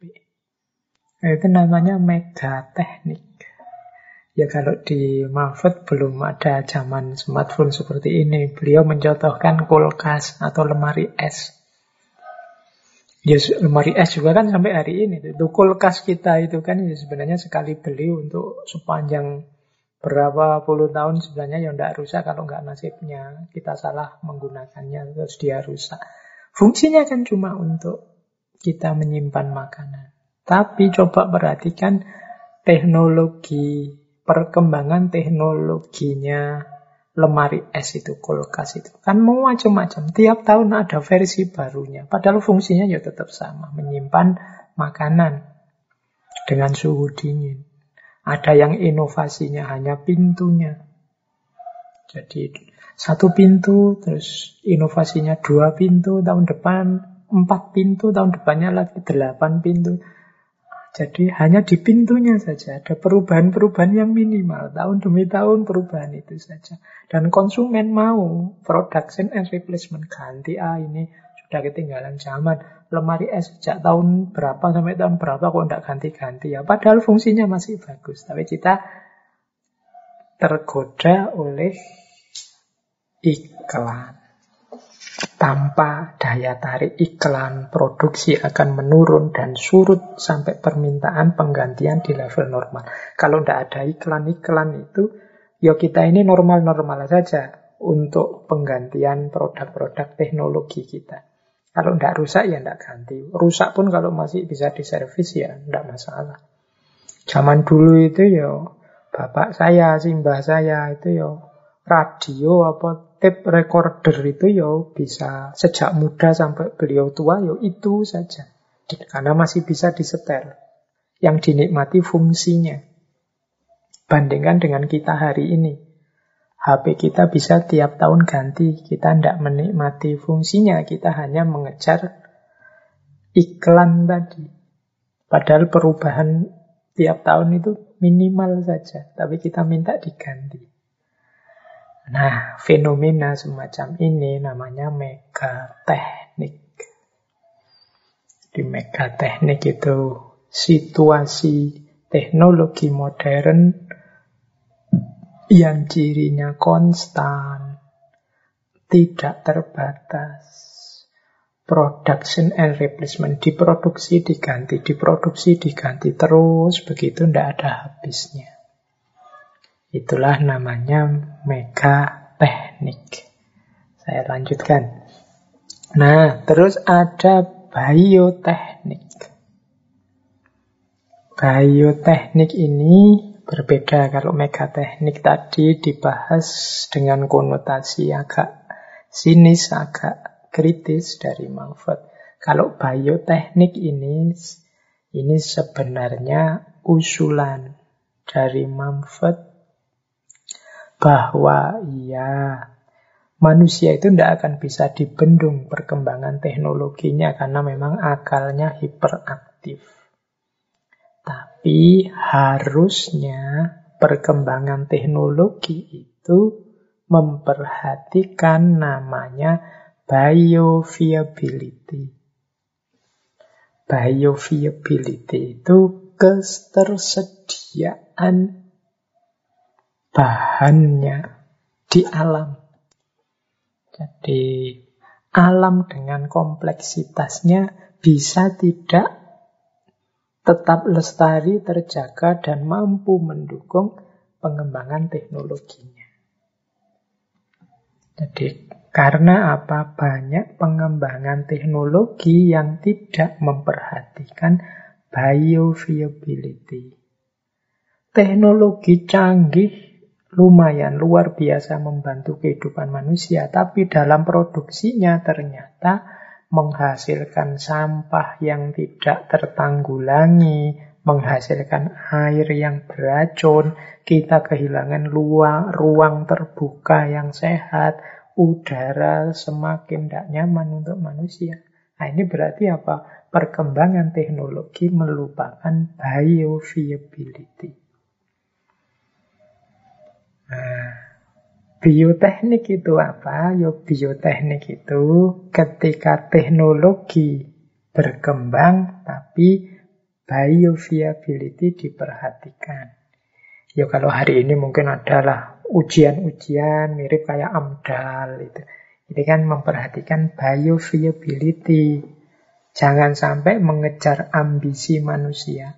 Manusia yang ingin lebih mudah, dalam bidang tertentu, lebih nyaman dalam hal tertentu, tapi akhirnya mengorbankan hal-hal vital dalam hidupnya. Hal-hal vital itu ya air, udara, itu kan hal-hal vital. Kalau tidak ada itu ya manusia bisa musnah. Jadi teknologi yang peduli dengan situasi alam di sekelilingnya. Inilah namanya bioteknik. Tidak sekedar megateknik, tapi juga bioteknik. Bioteknik itu ketika teknologi kita kembangkan dengan memperhatikan bioviability. Apa sih isinya kesadaran bioteknik itu? Ya, cirinya ada lima. Yang pertama, bagi teman-teman yang concern dengan dunia pengembangan teknologi, jangan lupa berpikirnya teknologi jangan sampai for its own sake. Jangan sampai teknologi ya untuk teknologi, Pak. Urusan dengan manusia ya urusan lain, urusan yang berbeda, tidak usah dilihat-lihat itu. Ini murni akademik loh Pak, ini murni ilmiah loh Pak. Tidak, jangan for its own sake. Ya nanti urusan limbah, urusan pencemaran lingkungan kita atasi tersendiri lah Pak. Ini yang penting teknologinya kita kembangkan dulu. Nah itu namanya kita hanya mikir egois untuk pengembangan teknologi saja for its own sake. Coba dianalisis lebih panjang, lebih luas, manfaat mudorotnya, toh betapapun teknologi itu kan perangkat yang kita ciptakan untuk memudahkan hidup Jangan sampai berbalik nanti jadi perangkat untuk memusnahkan manusia sendiri. Jadi jangan pernah hanya melihat satu aspek. Lihat pula banyak aspek yang lain yang berkait dengan teknologi. Jadi ciri pertamanya jangan for its own sake. Yang kedua, Jangan mengabaikan livability. Jadi dunia yang kita tinggali ini tetap harus mendukung hidup kita dan nyaman untuk kita tinggali. Kalau teknologi kita menghancurkan air, menghancurkan tanah, menghancurkan udara, maka teknologi berarti jadi jadi faktor yang meruntuhkan bumi sebagai tempat yang livable, yang bisa ditinggali. Kemarin-kemarin ini kan banyak sudah wacana-wacana diskusi gimana kalau manusia pindah saja ke Mars. Itu kan menunjukkan bumi ini sudah mulai tidak nyaman untuk ditinggali. Mungkin tidak muatkah, mungkin udaranya sudah mulai tercemar, mungkin cuaca suhunya sudah mulai kacau, rusak. Karena pembangunan, pengembangan teknologi yang kita lakukan selama ini mungkin tidak memperhatikan livability. Jadi kesediaan untuk kehidupan. Dia teknologi mungkin butuh air, teknologi butuh ruang, teknologi butuh udara, butuh tanah, ya, tapi jangan dirusak. Jadi hanya untuk satu ranah hidup namanya teknologi. Terus jangan sekedar mengejar power. Ini mungkin ada yang punya pandangan. Ini cuma uji coba kok Pak. Cuma menunjukkan betapa dahsyatnya manusia. Cuma ngecek betapa luar biasanya. Nah, ini berarti sekedar ngejar power. Ini hanya uji coba kok Pak. Ini hanya ngetes saja sejauh mana ini bisa dikembangkan dan seterusnya. Itu berarti sekedar mengejar power. Hati-hati, jangan sampai blunder. Inginnya power malah blunder. Inginnya kita jadi berkah bagi alam semesta malah jadi musibah.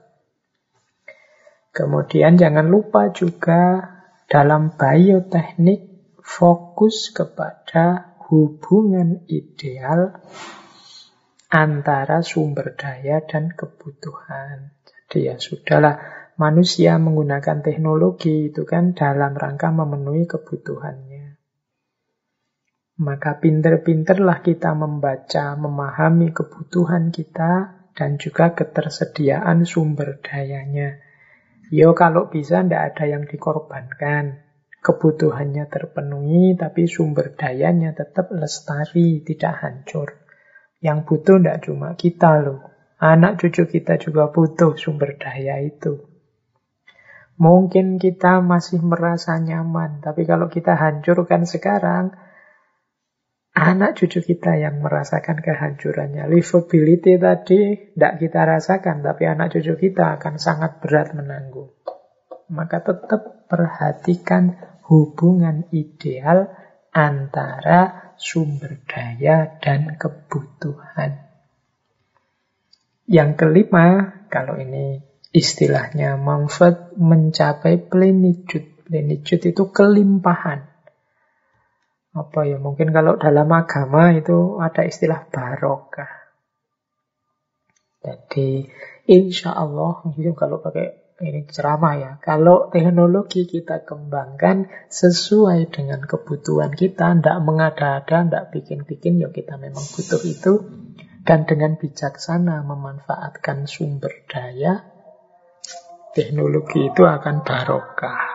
Oh, plenitude, kelimpahan. Oke, kita lanjutkan. Ini waktunya mepet. Nah, akhirnya nanti Louis Mumford ini punya dua istilah yang populer. Ini tentang teknologi. Ini bisa dilihat di buku Teknik and Civilization. Ada politeknik, ada monoteknik. Politeknik itu pengembangan teknologi atau mode teknologi yang dikembangkan tidak hanya melihat aspek teknologinya saja, tetapi juga melihat hal-hal lain di luar teknologi. Mungkin juga melihat budaya, melihat kondisi sosial, melihat etika masyarakat, dan lain sebagainya. Nah, ini namanya politeknik. Ada monoteknik lawannya. Monoteknik itu teknologi yang hanya mikir dirinya. Mentang-mentang akalnya menjangkau, mentang-mentang mampu, itu yang terus dikembangkan. Tidak lihat ini efeknya negatif loh untuk kemanusiaan. Tidak lihat ini merusak loh untuk lingkungan. Tidak melihat ini tidak sopan, ini tidak pantas. Kalau dari sudut pandang budaya kita. Tapi yang dilihat pokoknya ini perkembangan terbaru teknologi. Ini situasi kekinian. Kita tidak boleh kuper dan lain sebagainya. Hanya lihat aspek tekniknya saja, namanya monoteknik. Jadi ada politeknik, ada monoteknik. Poli, itu poli kan artinya banyak, berarti pengembangan teknologi yang dilakukan dengan melihat banyak unsur, banyak variabel. Tidak hanya dari satu kacamata teknik saja. Kalau monoteknik, kebalikannya. Pengembangan teknologi hanya melihat aspek teknologinya saja. Kalau di Lewis Mumford itu mungkin karena memang zamannya belum serumit hari ini, menurut saya ya teori ini sangat relevan hari ini. Tapi ilustrasinya Mumford sesuai zaman itu dia melihat teknologi jaringan transportasi khususnya untuk mobil. Katanya Marford, teknologi mobil ini zaman itu ya, tidak tahu zaman sekarang. Jangan-jangan tambah parah. Teknologi mobil ini dikembangkan tanpa peduli mode transportasi yang lain. Jadi kan perkembangan mobil itu kan luar biasa edisi-edisi terbaru tiap tahun dari banyak pabrik, macam-macam jenis mobil memenuhi jalan. Setiap orang masing-masing ingin berlomba punya yang paling mutakhir. Bahkan ada yang sampai koleksi. Nah, pengembangan jaringan transportasi itu 90% katanya Mahfud dengan mikir fasilitas untuk mobil. Ketika orang bangun jalan, bangun jaringan, bangun jalan tol, macam-macam itu kan yang dipikir hanya memberi fasilitas kepada mobil. Sementara mode transportasi yang lain seperti pejalan kaki, sepeda, juga transportasi yang sifatnya publik, tidak diperhatikan. Padahal katanya Manfred itu mobil itu lebih banyak mengkonsumsi jalan dibandingkan yang sepeda atau yang pejalan kaki atau yang transportasi publik. Dan ternyata dari segi keamanan dia yang paling membahayakan kalau dihitung jumlah kecelakaan di jalan. Nah ini maksudnya apa? Lu ya kembangkan saja jaringan transportasi secanggih mungkin, tapi yo mikirnya jangan cuma untuk mobil saja.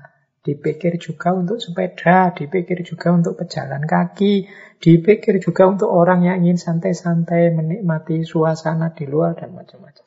Ini biar tidak mono.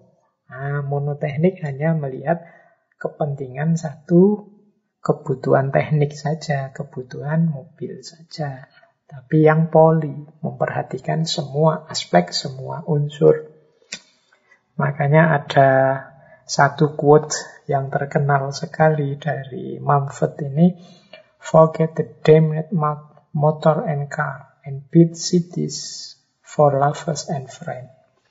Lupakan motor, mobil, dan bangunlah kota untuk para pecinta dan para sahabat. Jadi, Mbok yang bangun kota itu jangan hanya memperhatikan kepentingannya mobil, kepentingannya motor. Perhatikan juga kepentingan para pecinta. Perhatikan juga kepentingan para sahabat.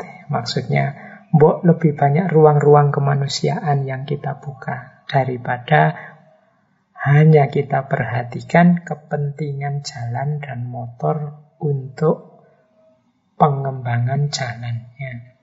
Jadi lupakan motor, lupakan mobil, mari kita bangun cinta dan persahabatan dan kita sediakan ruang-ruang yang bisa untuk memfasilitasi para pecinta dan para sahabat.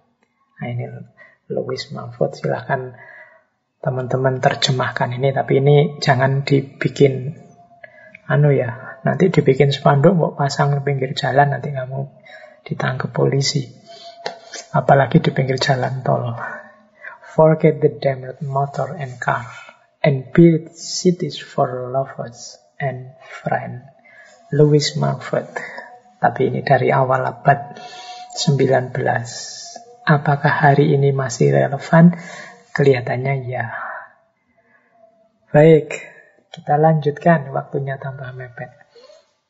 Nah, tadi ada istilah bioteknik, kemudian politeknik, monoteknik, megateknik, masih ada satu istilah lagi dari Mumford, yaitu mega mesin. Nah, mega mesin ini ini tidak semata-mata hubungannya dengan teknologi, ini berhubungan juga dengan manusia. Kalau mega teknik kan berarti tadi teknologi besar. Kalau mega mesin ini mesin besar. Siapa mesin besar? Itu manusia. Mega mesin itu apa? Mega mesin itu satu organisasi sosial. Jadi satu struktur kehidupan bersama manusia.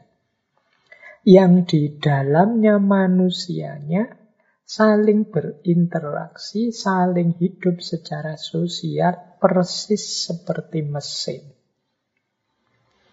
Jadi istilahnya organisasi yang homogen, sepenuhnya dikontrol di organisasi. Jadi manusia-manusia di situ itu gerakannya itu begitu rapi, tertib, teratur, dan homogen. Persis kayak mesin. Ya kalau Mahfud mencontohkan dua wilayah yang dimiliki oleh dua negara teknokratik nuklir, yaitu zaman itu ya masih ada Uni Soviet dan Amerika. Itu kan dua negara teknokrat, dia punya dua wilayah yang katanya Mumford ini jenis mega mesin, yaitu Pentagon dan Kremlin. Ini orang-orang di situ itu koyo mesin. Jadi yang dia lakukan di sana itu sudah bisa dibaca polanya. Modelnya wis pokoknya no aturan. Boleh satu kehidupan bersama yang aturannya begitu ketat, detail, total. Itu namanya mega mesin. Ya Contohnya lagi di Mumford itu ada misalnya para zaman dulu itu para tukang, para pekerja yang bangun piramid. Itu juga bagi dia mega mesin. Itu kan yang bangun manusia itu. Semuanya. Tapi manusia yang begitu seriusnya bangun dengan segala kedisiplinan kesetiaannya itu bagi dia mega mesin. Manusianya jadi kayak mesin. Termasuk juga pasukan perang dunia. Entah dari negara mana itu bagi Mahfud ini kayak mega mesin. Sebanyak itu orang, itu kok ya manut saja diajak perang. Tertib sekali. Kalau sudah bela negara ini, ya pokoknya negara ini perang. Itu namanya mega mesin. Jadi mesin besar. Oke, ya teman-teman boleh dianalisis mungkin untuk mengamati fenomena sosial tertentu yang ini loh orang sebanyak itu kok ya podo cara berpikirnya, cara bergeraknya, cara hidupnya. Manut saja diperintah ke utara ke utara, semua diperintah ke selatan ke selatan, semua ini kayak kayak mesin, mega mesin. Cirinya mega mesin apa? Yang pertama ya tentunya ini birokrasi yang luar biasa. Jadi ada aturan-aturan A sampai Z detail. Kalau mau ini, lakukan ini dulu, baru nanti muncul ini. Kalau ini sudah muncul, lakukan ini. Setelah itu ini, baru hasilnya kelihatan. Nah, itu sampai detail begitu cara ngatur apa-apanya. Itu namanya birokrasi yang luar biasa. Yang sangat besar, sangat detail. Nah itu biasanya kalau ada lembaga atau kehidupan sosial yang mengatur sampai detail hal paling kecil.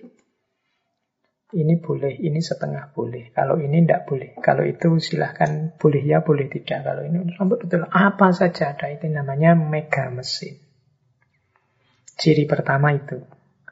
Ciri kedua mega mesin adalah human which act as servo unit. Jadi manusia yang tugasnya atau yang dia lakukan hanya melayani servo unit kayak server.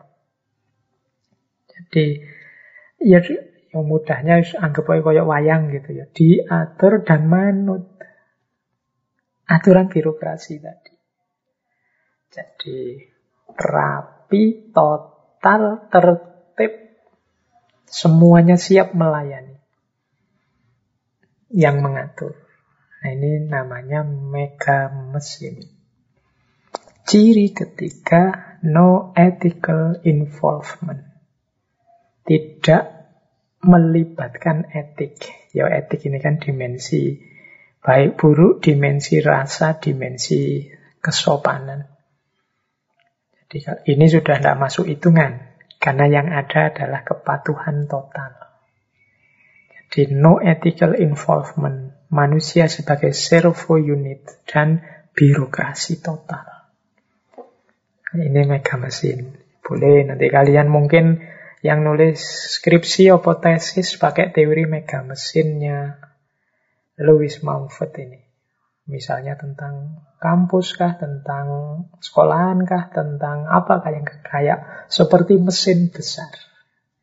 Jadi isinya sebenarnya manusia tapi kinerjanya seperti mesin. Ya saya tidak bilang ini baik apa buruk, tapi rasakan sendiri. Paling tidak di titik manusia dan kemanusiaan yang punya kebebasan yang punya pertanggungjawaban masing-masing atas hidupnya secara individu, di situ mungkin ada yang perlu dikritisi dengan mesin besar yang namanya mega mesin ini. Jadi, yo ini bisa didiskusikan panjang lebar, tapi paling tidak sekarang teman-teman kenal ada satu fenomena namanya mega mesin isinya manusia, tapi kerjanya, kinerjanya seperti mesin. Cirinya penuh birokrasi, kemudian manusia yang isinya hanya patuh dan manut saja. Dan yang ketiga, Ciri selanjutnya adalah tidak melibatkan rasa, tidak melibatkan etik. Oke, kita lanjutkan lagi. Nah, kita bahas sekarang wadahnya teknologi. Manfaat ini banyak membahas tentang kota. Saya ambilkan satu saja konsep beliau tentang kota, perkembangan kota. Yang ini nanti berhubungan dengan mega mesin, berhubungan dengan perkembangan teknologi. Kalau teknologi tidak ditata, kalau mega mesin tidak segera dimanusiakan, maka perkembangan kota itu bisa diramal nanti progresnya. Jadi Manfred ini dalam buku The Culture of Cities punya teori tentang perkembangan kota. Jadi kota itu mengapa kok tidak desa ya karena bagi Manfred terjadinya inovasi-inovasi, terjadinya perkembangan modern dalam peradaban manusia itu pusatnya di kota-kota. Berarti termasuk problem-problem yang kita bahas tadi, problem mega mesin, problem bioteknik, problem politeknik monoteknik, problem mega teknik, dan lain sebagainya yang di atas tadi ya berpusatnya dalam kehidupan masyarakat kota. Nah, kota itu mengalami evolusi-evolusi dalam perkembangannya. Kalau versinya Louis Mumford. Jadi yang pertama ekopolis. Ekopolis itu kota yang baru pertama kali berdiri istilahnya mungkin menarik ya, ekopolis. Berarti masih peduli, masih care dengan lingkungan sekelilingnya. Masih alami, masih murni. Namanya ekopolis. Kemudian kota ini berkembang jadi polis. Nah ini sudah jadi, sudah mantep bisa disebut kota. Ya nanti ada banyak ciri-cirinya. Makanya kalau teman-teman belajar tentang pikiran-pikirannya Aristoteles, politik, itu kan istilah politik itu dari kata-kata polis ini. Jadi polis itu artinya kota. Jadi diawali dari ekopolis, kemudian berkembang jadi polis. Setelah itu baru metropolis. Metro, metro itu artinya besar atau induk. Jadi dia berkembang jadi kota besar. Ya ini teman-teman yang tertarik silahkan dibaca sendiri The Culture of Cities. Ya secara umum kita kan sudah bisa menangkap kota besar itu kita sering menyebut metropolitan. Jakarta kah, Surabaya kah. Ini levelnya metropolis. Beda mungkin dengan kota tertentu yang makomnya belum metro, ya masih kota biasa saja. Atau yang sedang beranjak menuju kota, mungkin desanya teman-teman tertentu itu mulai rame sekarang. Mulai banyak orang jualan ketika jalan besar dibikin, mulai ada keramaian-keramaian tertentu itu ekopolis, baru mulai berdiri. Kalau sudah jadi kota beneran namanya polis. Tambah besar, tambah besar, akhirnya jadi kota besar. Namanya metropolis. Nah, ada lagi nanti tambah semakin besar, lagi semakin menjulang, yaitu megalopolis. Megalopolis ini jangan salah, jangan berarti semakin sukses Pak, semakin jaya ndak. Ya benar dia semakin berkembang, semakin besar, tapi tambah ruwet tambah semerawut. Ya kan, volume besar yang diurus tambah banyak, itu ya kan tambah ndak karu-karuan. Tambah susah diatur. Megalopolis. Ini kota yang tadinya metropolitan tapi ada pelan-pelan tanda ciri dia mulai mau runtuh ini, mulai kacau ini. Mulai tidak bisa diatur, mulai tidak bisa ditata. Perkembangannya sudah tidak terkontrol lagi. Itu mulai di megalopolis. Nah, nanti ada fase lagi namanya tiranopolis. Eh, bukan Tyrannosaurus ini. Tyrannopolis dari kata-kata tiran. Ini indikasinya sama, kelanjutan dari megalopolis. Biasanya nanti muncul tokoh, muncul sosok yang tiran, otoriter, kejam.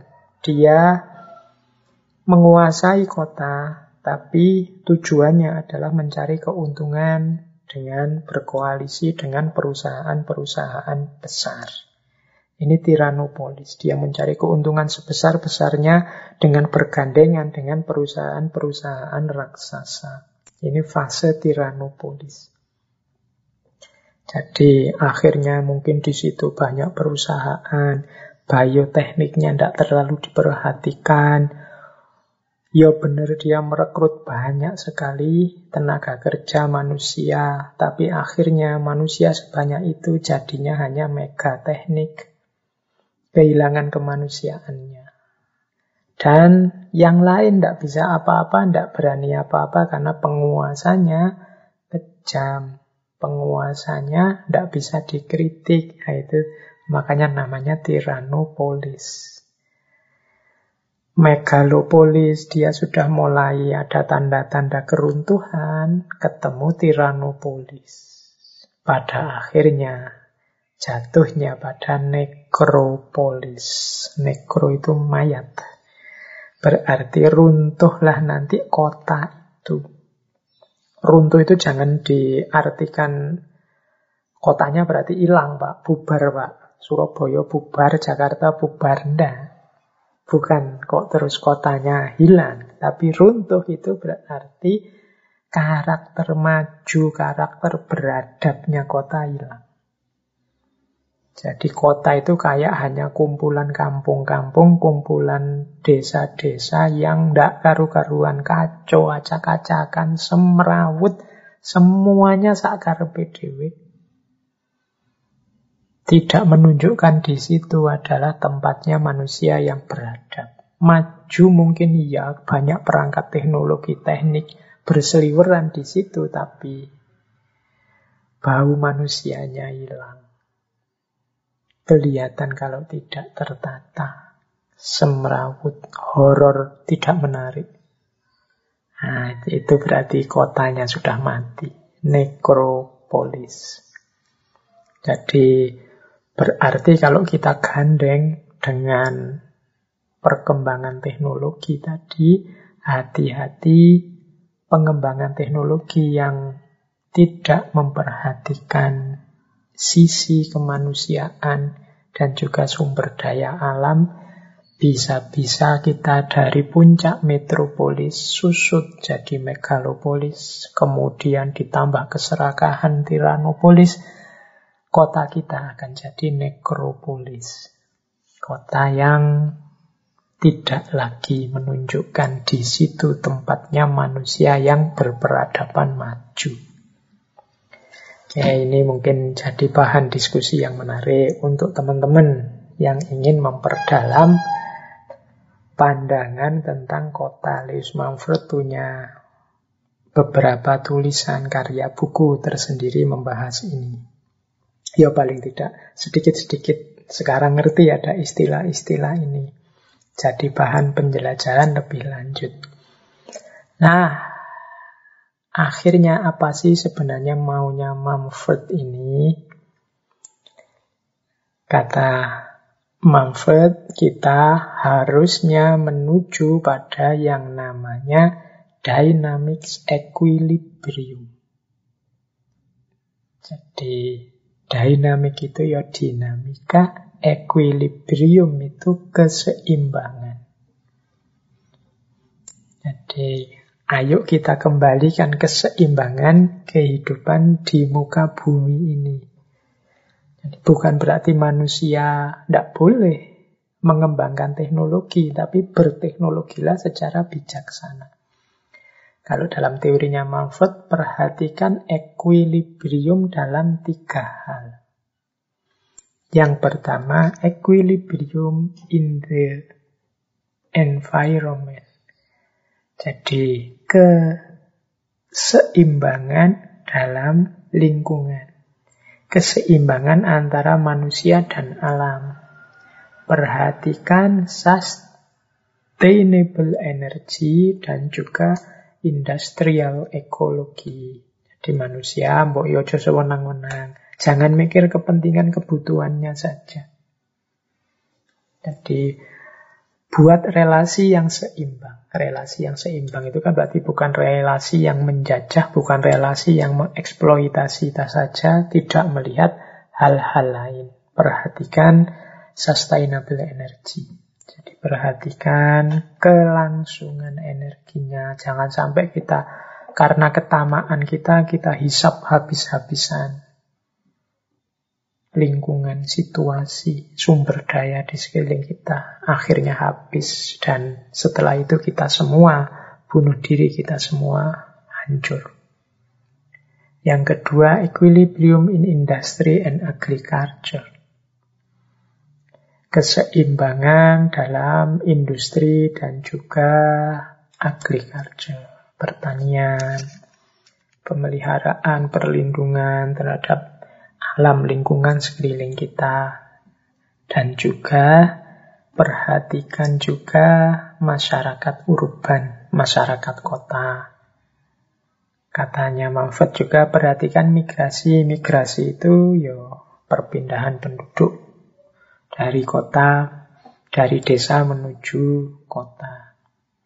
Kan banyak orang-orang itu menganggap pusatnya peradaban itu ya kota, nyari uang di kota lebih gampang. Menghasilkan sesuatu di kota lebih mudah, mengembangkan teknologi di kota fasilitasnya lengkap.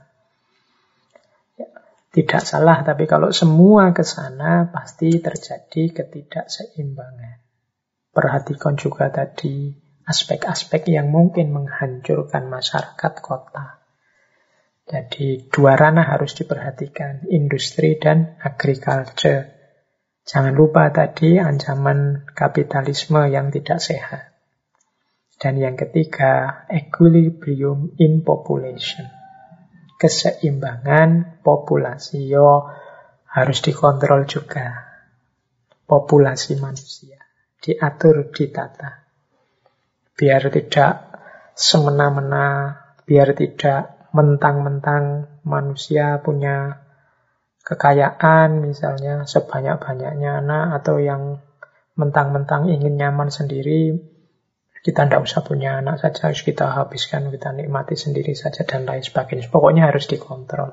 Ya problem besar dunia hari ini ya kontrol populasi dalam arti jumlah manusia ini kan semakin bertambah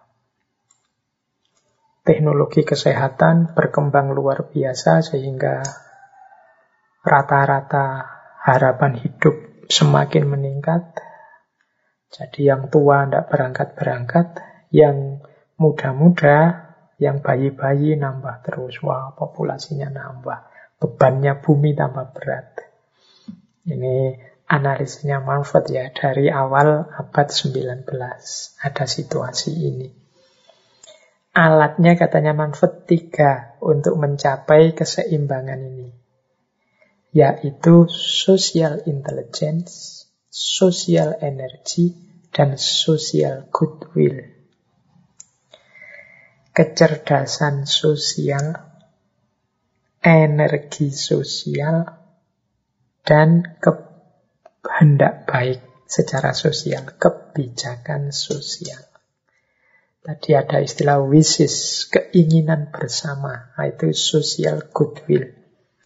Tidak mungkin yang baik-baik untuk mengatasi problem teknologi tadi kita pasrahkan pada pemerintah saja atau apalagi dipasrahkan terserah rakyatnya saja. Harus bareng-bareng. Wong kita ini hidup bareng. Social goodwill. Sosial energi juga semangat bersama dan social intelligence kemampuan kita, kapasitas intelektual kita bareng-bareng kita fokuskan, kita daya gunakan untuk menuju dynamic equilibrium. Jadi inilah yang diinginkan oleh Mumford. Baik, teman-teman, semoga sudah bisa ditangkap ya misinya Louis Mumford dengan teknik and civilization. Sebenarnya saya membawa beberapa quotes. Tidak saya baca ya quotes-quotes ini tidak saya uraikan maksudnya. Saya baca sekilas saja. Saya baca sekilas saja. Beberapa mungkin agak berbeda dengan yang kita bahas di atas. Kalau ini quote, potongan-potongan dari buku beliau yang di luar tema utama. Ada hubungannya memang dengan kehidupan manusia. Ini sebenarnya untuk menarik agar manusia jangan lupa kemanusiaannya meskipun mereka Canggihnya luar biasa dengan teknologinya. Coba perhatikan quotes dari beliau ini misalnya. Satu hari tanpa melihat atau mendengar sesuatu yang indah. Merenung tentang sesuatu misteri atau mencari kebenaran adalah hari yang menyedihkan. Dan terus-menerus mengalami hari seperti itu akan fatal bagi kehidupan manusia. Jadi yang sedang berambisi untuk membangun dunianya dengan segala sains dan teknologi, oke okay. Tapi jangan lupa hidup ini indah. Hidup ini menarik, menantang. Satu hari tanpa melihat atau mendengar yang indah. Satu hari yang kita tidak merenung tentang satu pun misteri atau tidak mencari kebenaran apa pun adalah hari yang menyedihkan. Terus-menerus seperti itu akan fatal bagi kemanusiaan. Jadi hidup ini indah, mari kita cari yang indah-indah, kita kejar yang misteri yang juga indah, kita cari kebenaran yang juga indah. Jangan ada satu hari pun yang kita isinya hanya mengeluh saja, hanya sedih saja, hanya susah saja. Hanya ambisi saja yang sifatnya keras. Ini salah satu quotes dari Mumford, beliau juga punya quotes begini. Adanya oposisi atau penentang akan sangat membantu manusia. Karena layang-layang terbang dengan cara menentang, bukan dengan cara mengikuti angin. Nah, ini untuk teman-teman ya yang biasanya alergi dengan kritik, mbok ya ndak usah takut. Ada orang yang mengkritik kita, menentang pendapat kita, itu justru akan membuat kita bisa melambung dan melayang. Seperti layang-layang, dia terbang dengan cara menentang angin, bukan dengan cara mengikuti angin. Jadi semakin dikritik orang berarti di situlah kesempatan kita untuk semakin baik, semakin memperbaiki diri. Alamat kita akan semakin tinggi. Maka jangan alergi dengan kritik, jangan alergi dengan oposisi. Dan masih ada lagi ini hari ini degradasi kehidupan batin ditandai dengan fakta bahwa satu-satunya tempat yang sakral dan tidak terganggu adalah toilet pribadi. Ini kalimatnya mungkin guyon, tapi menurut Mumford, manusia hari ini terlalu ambisius, terlalu tadi ya banyak istilah-istilah faktual, praktikal, macam-macam. Sehingga wilayah-wilayah sakral tergerus. Semuanya dibabat dengan sains dan teknologi. Sampai tidak ada lagi wilayah sakral kecuali toilet pribadi. Hanya di toilet pribadi kita bebas ngapain saja. Di luar itu kita diintervensi macam-macam oleh manusia yang lain. Nah ini Silahkan dianalisis. Quote-quotesnya ini mungkin cocok, mungkin tidak. Tapi ini yang saya sebut tadi ya, bagian-bagian sisipan dari tulisan-tulisan beliau yang menarik. Oke teman-teman, saya kira itu ya. Mungkin waktunya sudah kelewatan ini. Minggu depan kita lanjutkan lagi obrolan kita tentang teknologi. Kurang lebihnya mohon maaf. Wallahul muwafiq. Wallahu a'lam bisawab. Wassalamualaikum warahmatullahi wabarakatuh.